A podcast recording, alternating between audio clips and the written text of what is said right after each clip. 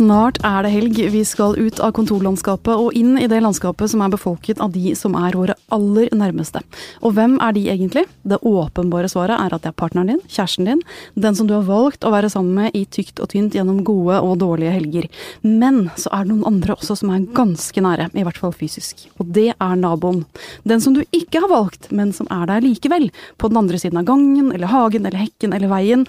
En person som du ser og hører hver eneste dag, og som du enten vil eller ikke vil, lever ganske så tett med. Eh, det er disse to relasjonene denne sendingen skal handle om, naboen og kjæresten. Og du verden for en gjeng jeg har i studio som skal øse av sin kunnskap om dette. Eh, Ronny Berg og Ola Brekke Mathisen, dere har skrevet bok om norsk naboskap. Eh, hva er den sterkeste følelsen dere selv har kjent for en nabo noen gang? Det var vel for et par år siden hvor min kvinnelige nabo anla en hekk i vår felles hage foran rekkehuset.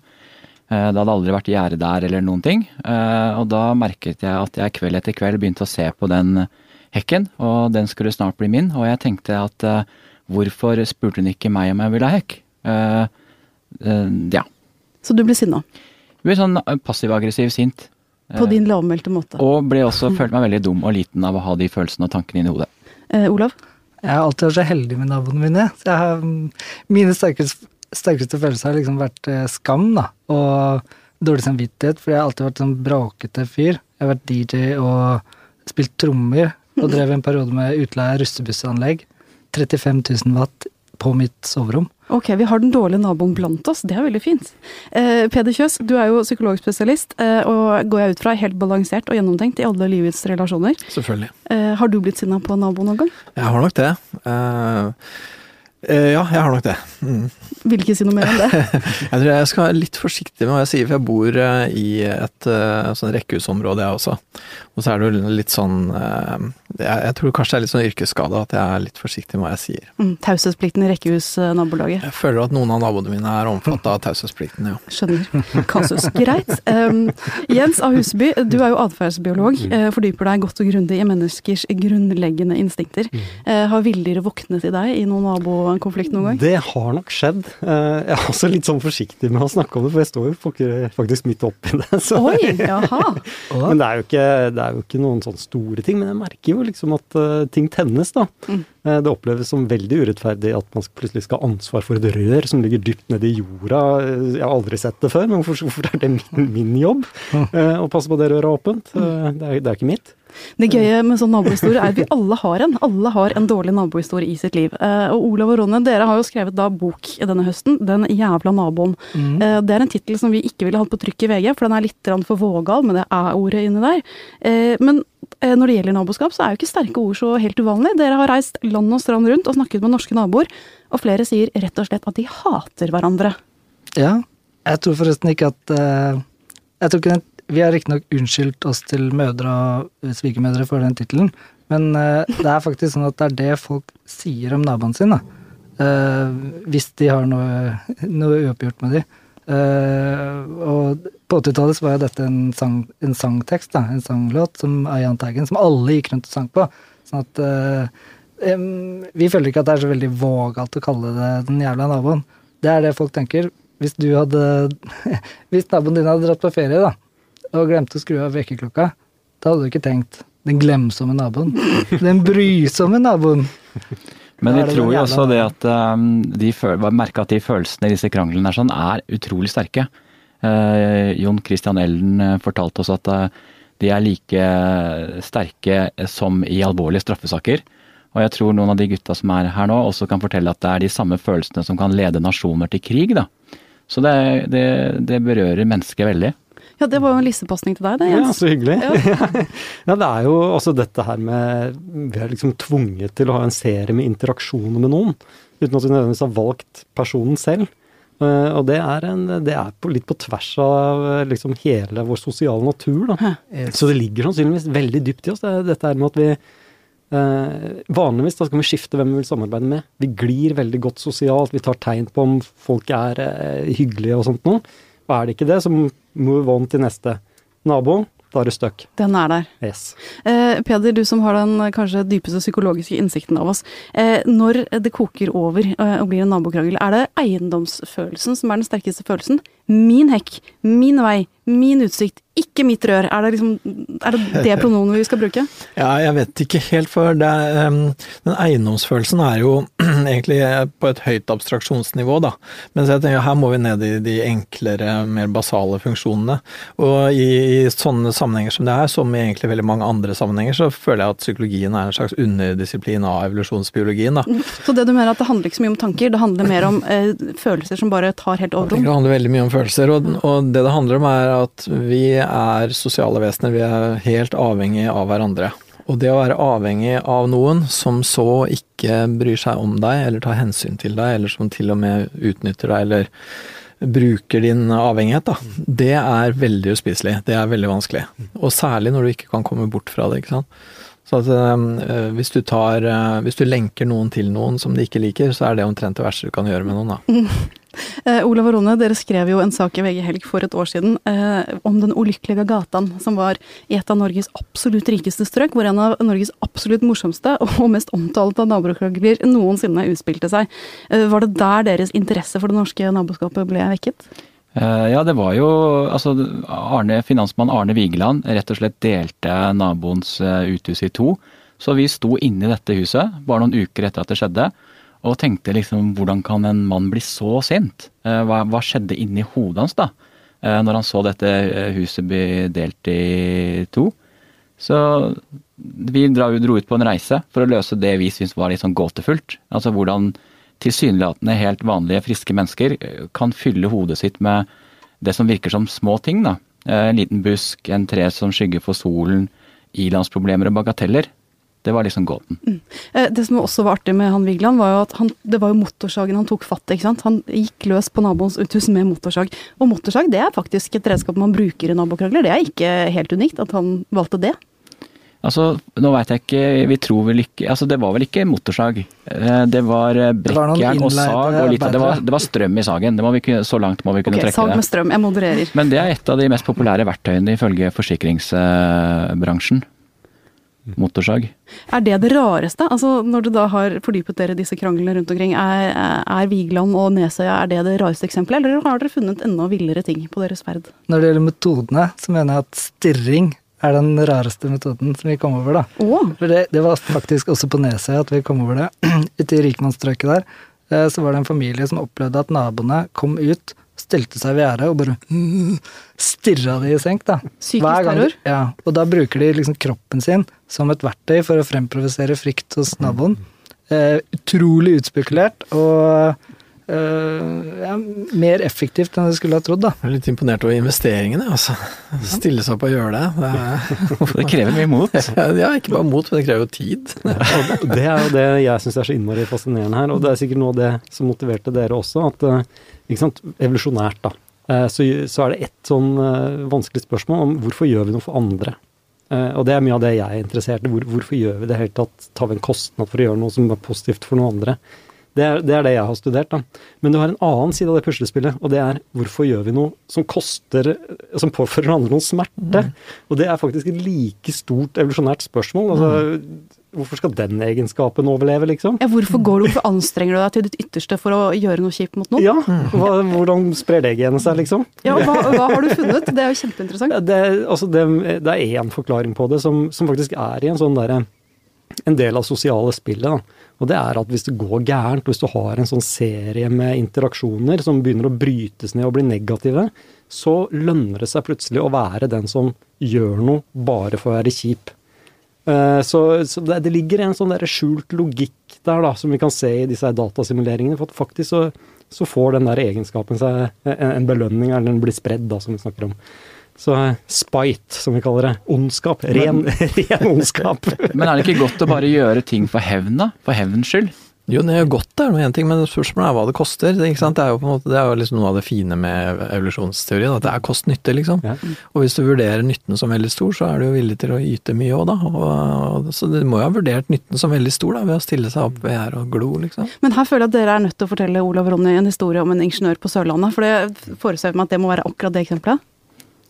Ja, altså på Sørlandet, ja. ja. Det var en mann som, eh, som en dag valgte å, be- å få, eh, forpeste naboen med sin egen drittlukt. Han hadde en kloakkom i hagen. 2000, 2000 liter. Han sier selv til oss at godsakene lå oppi der og sydet og gjæret i to år. Så hva er det du pleier å si, Olav? Årgangsdiaré. Og det lagde han Han hadde sånn slange som han tok ned i kummen, ledet inn i deres felles hekk. Der sto en vifte. Og så hadde han fjernkontroll som han eh, kunne slå den av og på med. Og han testa også ut dette anlegget, altså lukten i skogkanten da alle var på jobb noen dager tidligere. Og når det drev mot nesen hans, så sier han at han har aldri noensinne vært i nærheten av en sånn lukt. Hele systemet hans lukket ned. Han klarte ikke å puste. Men altså tilbake til det, det høres jo helt ellevilt ut. Og tilbake til det som du var inne på her litt før, Ronny. Hva er det som kan drive en mann til å gjøre det, da? Altså, Hva var det denne fyren var så innmari, innmari sinna for? Altså Det er det som er interessant, syns vi, ved å gå inn i det her òg. For alle sakene er mye mer komplekse og sammensatte enn sånn som de blir presentert i offentligheten.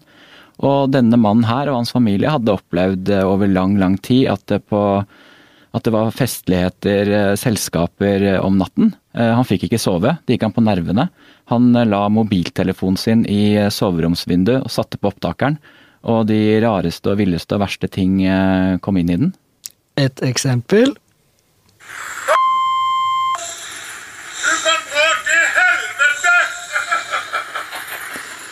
Det er stemningsbilder fra Golanhøyden, som de kaller området sitt. da. De kaller det Golanhøyden? Ja, de har bytta ut gateskiltet på vei inn til stedet. Da står det Golanhøyden. For de som ikke vet det, så er det et krigsherreområde i Syria. Dette er folk som yter noe når det er konflikt, ass. Ja. Du virker nesten litt imponert, du, Peder. Men han var, han, det, det, han var altså, Vi syns han er en bra fyr. Uh, han er eh, smart, han er ingeniør, han fikk en god idé. Og det er felles for masse av de folka vi møter, at de er jo også Vigeland nå, utdanna på et eliteuniversitet i, i, London. Eh, folk beskriver ham som veldig, veldig intelligent. Vi snakka med han eh, mange ganger i løpet av det siste året. Alltid hyggelig, selv når han fikk provoserende spørsmål. Ble aldri sur. Så folk har, det vet dere om, mange sider ved seg, da. Mm. Jeg tenker Det handler jo veldig mye om følelsen av krenkelse, ikke sant. Og det er jo krenkelse og gjengjeldelse, da. Det høres ut som dette her, og det eskalerer jo. fordi at enhver krenkelse så vil du jo oppleve at den du sjøl er utsatt for, er et lite hakk større enn den du har påført den andre, ikke sant. Mm. Du vil alltid synes at du sjøl har litt mer å hevne. Mm. Så da, da, legger man på litt ekstra, da. Og så gjør jo nestemann det samme, og sånn eskalerer det, da. Mm. Helt til noen velger å eventuelt deeskalere. Og det er jo det som i mange av de tilfellene her ser ut til å skje nokså seint, hvis i det hele tatt.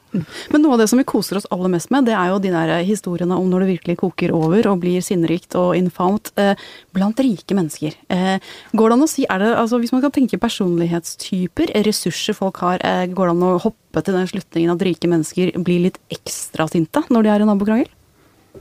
Ja, det er et godt spørsmål. Det altså, en, ting er jo er det statistisk sånn, det vet jeg vet ikke helt eh, enda.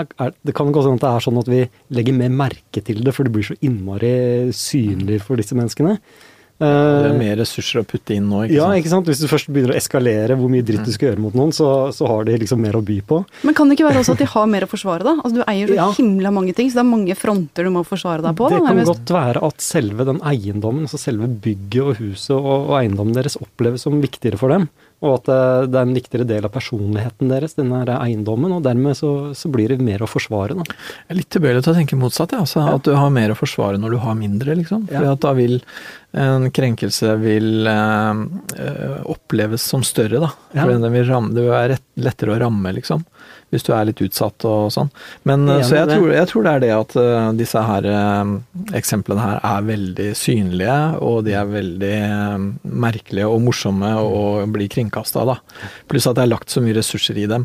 Mens når Sånn mer statistisk, nå har jeg ikke den statistikken veldig i hodet, da, men folk som er mer utsatt, har jo mer konflikter. Og er, har det dårligere fordi de er mer i konflikt med folk. Så de som virkelig um, får kjenne på hva det er å ha dårlige folk rundt seg, det er jo de som er virkelig ute. ikke sant? Hvis du mm. bor i en sånn uh, en sånn her kommunal bolig, f.eks. Da kan du virkelig snakke om naboskap. Mm. Men det er ikke sånn naboskap som det blir så veldig morsomme bøker av, da. For det mm. blir liksom en helt annen enden av spekteret når det gjelder underholdningsverdi, da. Ja, det er en vi- annen seksjon i avisen nå, føler jeg. Vi, Det er jo det. Mm. jeg må bare si at Vi intervjua en, en eiendomsmegler som har solgt leiligheter både på øst og vest. og Han mener at det er mer og raskere bruk av advokater på vest, men det er mer makt da, i nevene på Oslo øst. Glemmer du søppelposen i, i trappeoppgangen en dag for lenge, så får du en sånn illsint lapp på døra, eller han rett og slett banker inn frontruta på bilen din. Ferdig med den Ja, saken. for det er mye mer, det er mer vold, ikke sant. Jo lenger ned du går i um, årsinntekt, da, jo mer utsatt er folk for vold. Ok, Så flere advokater i det rikeste strøm, eh, og så tar man hånden mer i trynet saken i egen hånd. Ja. Eh, en, en annen sånn kvakksalverhypotese fra min side. eh, er det sånn at menn går litt oftere til nabokrangler enn kvinner? Ikke i vår bok, i hvert fall. Jeg tror nok statistikk og bok er to forskjellige ting der, altså.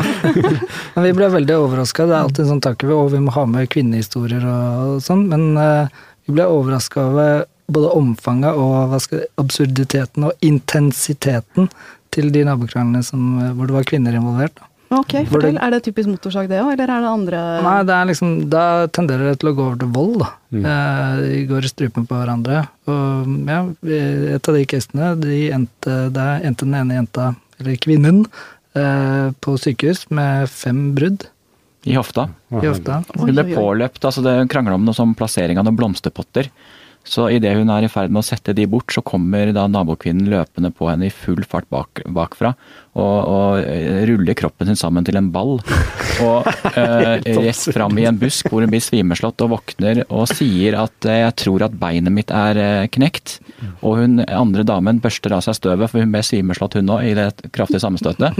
Og så går hun bort til henne og sier 'jeg håper da inderlig det er knekt'. Oi, oi. Og så går det vel de hver til sitt. Eller den ene lå, den andre gikk hver til sitt. Den andre blir drikke liggende. for kaffe.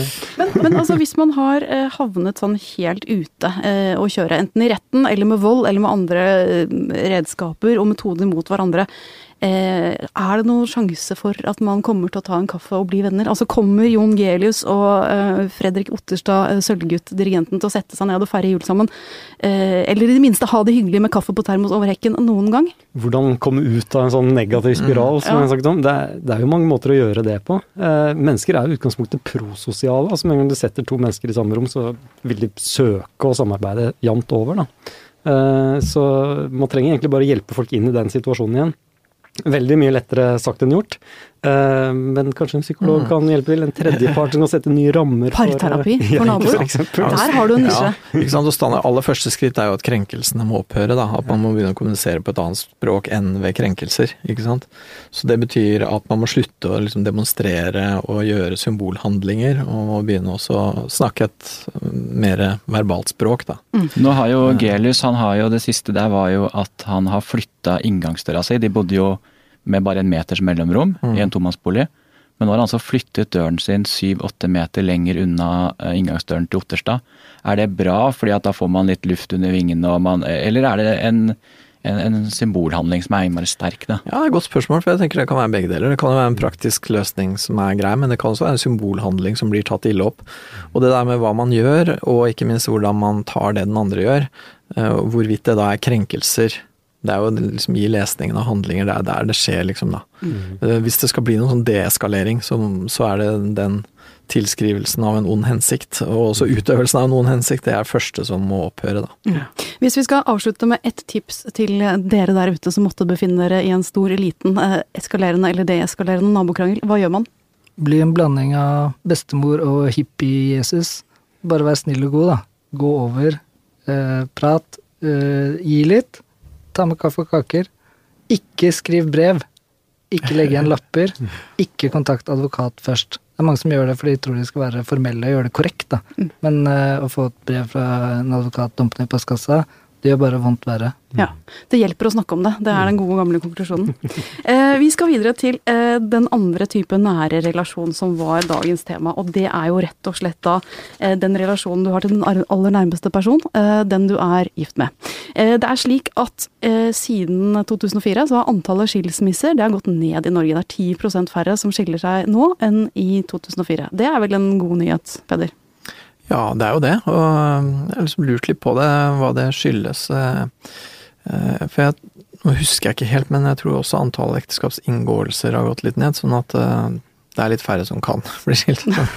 Ja, Det betyr at det er færre som velger feil i utgangspunktet. Ja, Ja, nettopp. kanskje. Man er ikke blitt bedre til å holde ut med hverandre, man har blitt bedre til å velge. Ja, Ja, jeg tror kanskje. kanskje, kanskje det. Og så har jo også generelt eh, liksom alderen for når folk blir sammen, har jo også gått opp, ikke sant. Og det vil jo også tilsi at folk kanskje tar klokere valg, da. Et annet tall som er litt gøy, er at mellom 10 og 12% av de separasjonene som inngås i Norge, eh, de annulleres. Altså folk eh, angrer på separasjonen sin, og så velger de å fortsette å være sammen. Mm. Er det vanlig, Peder, at man kan svinge liksom fra de aller iskaldeste 'nå skal jeg få deg ut av livet mitt'-følelsene til 'nei, jeg tror jammen jeg kan elske deg igjen'?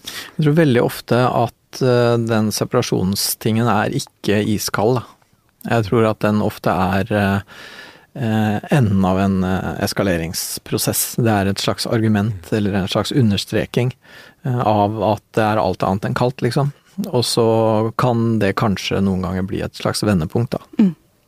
Eh, I VG helg nå til helgen så møter vi tre par. De har vært gift. De har vært gift i type sånn uh, Den par har vært gift i 30 år, de andre i hvert fall sånn 14-15. Uh, og der gikk det mot en iskald slutt. De skulle virkelig ikke ha noe med hverandre å gjøre. De flytter fra hverandre, de skiller seg. De er skilt i mange år, de starter nye liv. Og så går det 8, 10 og 15 år, og så finner de ut at nei, eh, gresset var jammen meg ikke grønnere likevel. Eh, De gifter seg igjen gang nummer to med hverandre.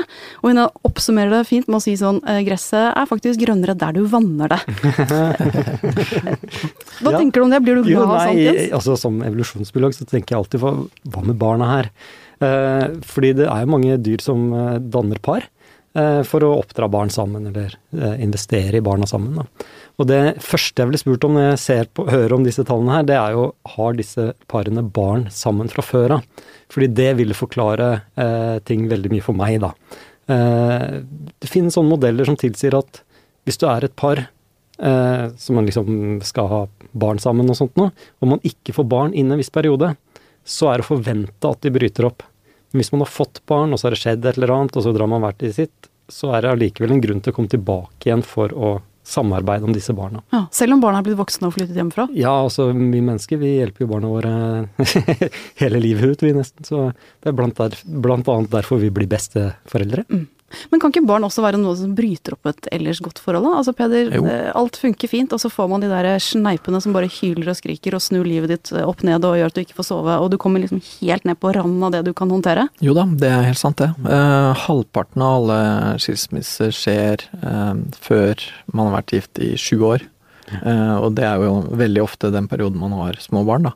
Så er det et nytt sånt eh, risikopunkt ved sju år seinere, ved ca. 14 år, da. Det er når man eh, kanskje begynner å bli eh, litt ferdig med de aller grøvste tinga når det gjelder barn, samtidig som ens egen eh, 40- eller eventuelt 50-årskrise kicker inn. Så, så det er liksom de to punktene der hvor folk gjerne skilles. Og det er klart at barna Og den, det er en stor oppgave å ha barn, og det er ikke gitt at man klarer det sammen. Og da tenker jeg også det er litt interessant det at man blir sammen igjen, for kanskje det at man får barn, så blir det veldig vanskelig, det blir kritisk vanskelig. Og så um, går man fra hverandre, og så er krisa litt over, for ungene er litt større, litt mer håndterbare. så finner man sammen igjen. Ja, det er jo en annen side ved det. Altså det å gå ut av et forhold eh, og finne, etablere seg på nytt når du allerede har barn fra før av, Mm. det er ikke så enkelt som man gjerne skulle tenkt seg. Da. Eh, for det er en, da oppstår en interessekonflikt med den nye partneren og, og barnet ditt, evolusjonært sett. Ja, ikke bare evolusjonært. Men også helt- Selv om alt er evolusjonært, ja, selvfølgelig. Men altså, hvis vi skal snakke om flere gode grunner til å gjøre slutt på et forhold, da. Eh, barn er åpenbart en av dem, eh, i hvert fall i denne, i denne konteksten. Barnløshet er en annen. Barnløshet, Fra- ja. ja. Også- Man får ikke til det man gjerne skulle fått til sammen. Uenighet om hvorvidt man skal ha barn eller ikke. Ja. Stor greie. Hva med utroskap? Hvor stort er det? Det er jo utrolig vanlig, og så er det noen som blir skilt, og de fleste blir rike.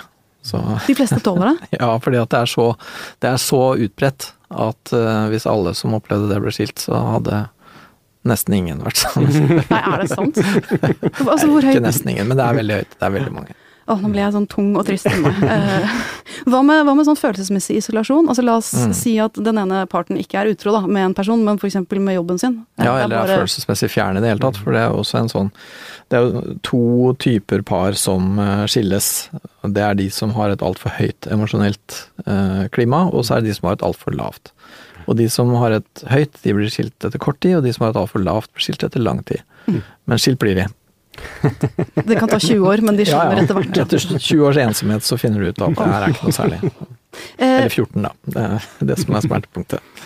Men hva er det som er eh, de ordentlig gode grunnene til å ikke finne sammen igjen, tenker dere? Hva er det som er liksom uforenlig av dette her? Altså, la oss si en av partnerne har fått eh, barn på et nytt forhold. Eller jeg tenker vil gjøre det vanskelig. Eh, eller så kan det jo være sånne prakti altså uenighet om hva man skal gjøre sammen. Hva er, skal man ha en familie sammen? Er, er det liksom noen grunnleggende uenigheter som ikke er blitt løst i mellomtida, så er det en god Ja. grunn til å ikke finne tilbake igjen. Nei, det kan også være sånn fundamentale designfeil ved forholdet. At Ja. man rett og slett ikke passa så innmari godt sammen, men man ble sammen likevel. Og så, Mm. men egentlig passer man ikke sammen. Det er jo ikke så uvanlig at det tar litt tid å oppdage det. Mm. Og så alle sånne åpenbare ting som vold og misbruk og Selvfølgelig, det er jo et eksempel på at man ikke passer sammen, vil jeg si. Det er absolutt. Men altså, eh, jeg leste noe amerikansk eh, lykkeforskning som hadde tatt for seg eh, par som oppga at de var i et ulykkelig ekteskap. Eh, og så eh, var det en viss andel av disse som valgte å bli i det ulykkelige ekteskapet og kjempe for det, og da var det over 70% av dem, lurer på om det var sånn 75-78 eller noe sånt, som etter fem år sa at vet du hva, det gikk bra, jeg kjenner stor lykkefølelse nå. Eh, mens blant de som valgte å gå fra hverandre ut av det vanskelige forholdet, så var det bare 19% som erklærte seg lykkelig. Kjempestort sprik. Er det sånn hvis man liksom jobber seg sammen med noe ordentlig gruff, så får man en premie i form av liksom vill lykkefølelse etterpå? Veldig interessant. Og nå igjen som biolog, liksom, hva er disse her lykkefølelsene? Hva er de greiene for noe? Det er selvfølgelig det jeg Eh, tenker òg. ja. Og det er, det er illusjon, de er ikke lykkelige. Nei, Nei, altså, vi, vi motiveres jo til å bryte ut av et forhold. Det er, det, det er ikke noe sånt at da venter en belønning i andre enden, men den der opplevelsen av mis, mis, eller ulykke eller mangel på lykke, det er jo eh, Det er jo på en måte en motivasjon for å få deg til å gjøre et eller annet i, i det forholdet. Det betyr ikke at det automatisk blir belønnet med mer lykke etterpå. Så øh, igjen, da kan det være den der følelsen av mislykkethet eller ulykke etterpå, det, eller lav lykke etterpå, kan jo være et tegn på at nå igjen må du gjøre noe for å komme videre eh, mot en annen situasjon. Da. Ja, og en, eh, en veldig viktig nøkkel der som ligger liksom hakket over liksom forplantningsgreia, er, er det med behov for mening. At behov for mening er jo mye større enn behov for behag. Eh, hvis du, jeg tror nok at hvis du er i et vanskelig forhold, så får du det til å gå videre på et vis. Så blir du kanskje ikke så glad og sånn, men det oppleves som meningsfullt. Særlig hvis du har barn. ikke sant? At du er i eh, at, at det de sier når de sier at de er lykkelige, er kanskje egentlig at de opplever livet sitt som meningsfullt. da. Nettopp. Eh, og, men eh, jeg tror det er en illusjon at folk går rundt og er hysterisk lykkelige, for det er ikke så vanlig mm. å gjøre. Men er mening da uh, viktigere enn lykke? Ja ja, langt viktigere. Ok. Så om du ikke scorer så høyt på de lykketestene, og du scorer høyt på meningstesten, da ligger du ganske godt an? Ja, og så er det jo klart at det er jo mange måter å teste både lykke og mening på, og de er jo vanskelig å skille fra hverandre òg. Så igjen så er det litt sånn at det har vært moro å se hva slags test som har vært brukt her, da. Mm. Men eh, når folk sier de er lykkelige, og når de sier at de opplever livet som meningsfullt, så kan det være to veldig forskjellige ting. Mm. For eksempel så sånne standard måter å måle lykke på eh, viser jo ikke at du blir lykkelig av å få barn. Ikke sant? Selv om de aller fleste vil jo si at det at de har barn bidrar til deres lykke. Og der tror jeg at det kanskje bidrar mer til mening enn til at du har det gøy, da. Hvis du tenker, hvis du tenker lykke som positiv affekt, liksom, så tror jeg ikke nødvendigvis positiv affekt er det du har hele tida, men mye av den negative affekten du har, er meningsfull. Da. Hvis vi skal eh, avrunde denne her også med noen, noen råd til folk der ute. Altså hvis du står i en sånn type ruinlandskap av et forhold, eh, ikke vet om du skal liksom gå ut av ruinen eller begynne å lappe den sammen med de små legofingrene, eh, hva er tipset? Eh, gå Nei da. Ja, ja, altså, det er, opplever du at du ikke har det bra, så må du selvfølgelig gjøre noe med det. Mm. Det, det er vel ikke noe annet råd å gi, tror jeg. Nei, og så kommer det an på hva du mener med ruin da igjen, ikke sant. Men det er litt sånn psykologtingen at jeg alltid sier det kommer an på hva du mener. Men Mm. sånn er det. For det, fordi at hvis det er en rykende ruin som det ikke er noe å gjøre med, så er det jo bedre å gå. Og du blir ikke lykkelig av å gå, men du blir kanskje enda mindre lykkelig av å være der, da. For det er det å skilles, de fleste tror at livet da skal ta en oppsving, og det gjør det jo generelt ikke. Eh, Det tar lang tid før du får det ålreit igjen, og stort sett så får du ålreit igjen når du går inn i et nytt forhold og det har vart en stund og er ok. Men da får du det ålreit, du får det ikke supert. Mm. Fordi eh, det at man skal ha det supert, det er å forvente for mye av livet. Vende, paret kan også vende frustrasjonen sin mot naboen. Det er jo fantastisk oppsummering. Kjempelurt. Kanskje man burde innføre at man skal bo annethvert kjønn nedover hele gata. Så Så kan du bli kjæreste med naboen. Ja. Ja. Mm. to fluer i en smekk. Da har vi et svar med to streker under. Eh, noen annet man bør gjøre mot sin nærmeste, det være seg partner eller nabo i løpet av helgen? Nei, Man skal vise at man setter pris på hverandre, at man er enige og samkjørte om verden og livet og hvor man vil hen. Så mm, snakke sammen er vel en veldig, veldig enkel eh, ting. ja, jeg har ingenting å tilføye. Snakk om det. Jeg har lyst til å plante en tujahekk ved siden av naboens hekk og se hva som skjer.